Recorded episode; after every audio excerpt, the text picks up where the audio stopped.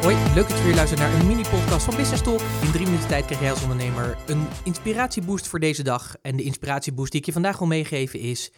Doe jij ook aan cherrypicking? Als ondernemer heb je natuurlijk klanten, want ja, daar doe je het natuurlijk uiteindelijk voor. Hè? De diensten die je levert of de producten, die wil je natuurlijk aan zoveel mogelijk klanten kwijt. Ja, dat, daar ben je natuurlijk dagelijks mee bezig om die waarde te leveren en te zorgen dat die klanten ook het optimale krijgen en dat die klanten ook naar je toe komen. Maar ben je ook echt bezig om te zorgen dat je die klanten krijgt waar je echt heel erg blij van wordt?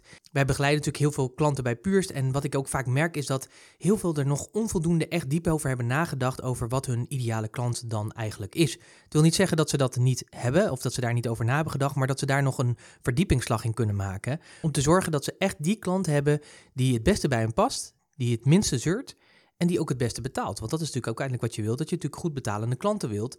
Die echt jouw dienstverlening waarderen en dat begrijpen. En daar ook ja, hun waarde aan toekennen. Doordat zij ook de factuur op tijd betalen en de prijzen betalen die jij vindt dat jouw diensten waard zijn.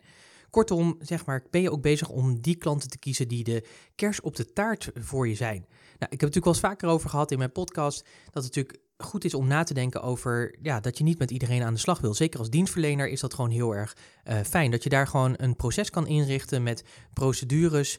Met bijvoorbeeld, uh, zoals wij dat hebben gedaan, als mensen met ons in gesprek willen komen, dan moeten ze een vragenlijst invullen. Op basis van die vragenlijst kunnen we beoordelen of het zinvol is om met die klant in gesprek te gaan. En als dat zinvol is, dan krijgen ze nog een vragenlijst. Op die manier kunnen we meten of het profiel wat wij graag willen, ambitieuze ondernemers die er echt voor willen gaan, of die daaraan voldoen.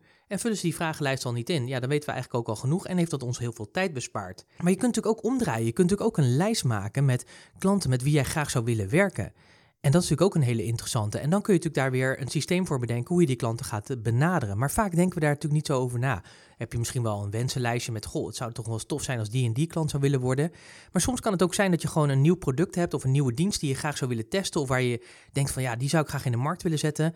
Maak dan een lijstje met ideale klanten die je graag daarbij zou willen hebben. En misschien zijn dat gewoon al relaties die in jouw netwerk zitten. En dan kun je die natuurlijk ook heel mooi benaderen en zeggen, hey, ik heb nu zoiets gaafs, ik denk dat dat echt iets voor jou zou willen zijn, wil je er eens naar luisteren en ja, wil je natuurlijk aan deelnemen. Dus ik zou jou ook willen vragen van, maak eens een lijstje zeg maar, van ideale klanten.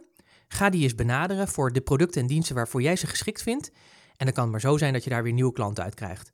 Denk erover na, neem natuurlijk actie, want dat is natuurlijk het allerbelangrijkste, want zonder actie geen resultaat. En dan spreek ik je graag weer morgen. Tot morgen.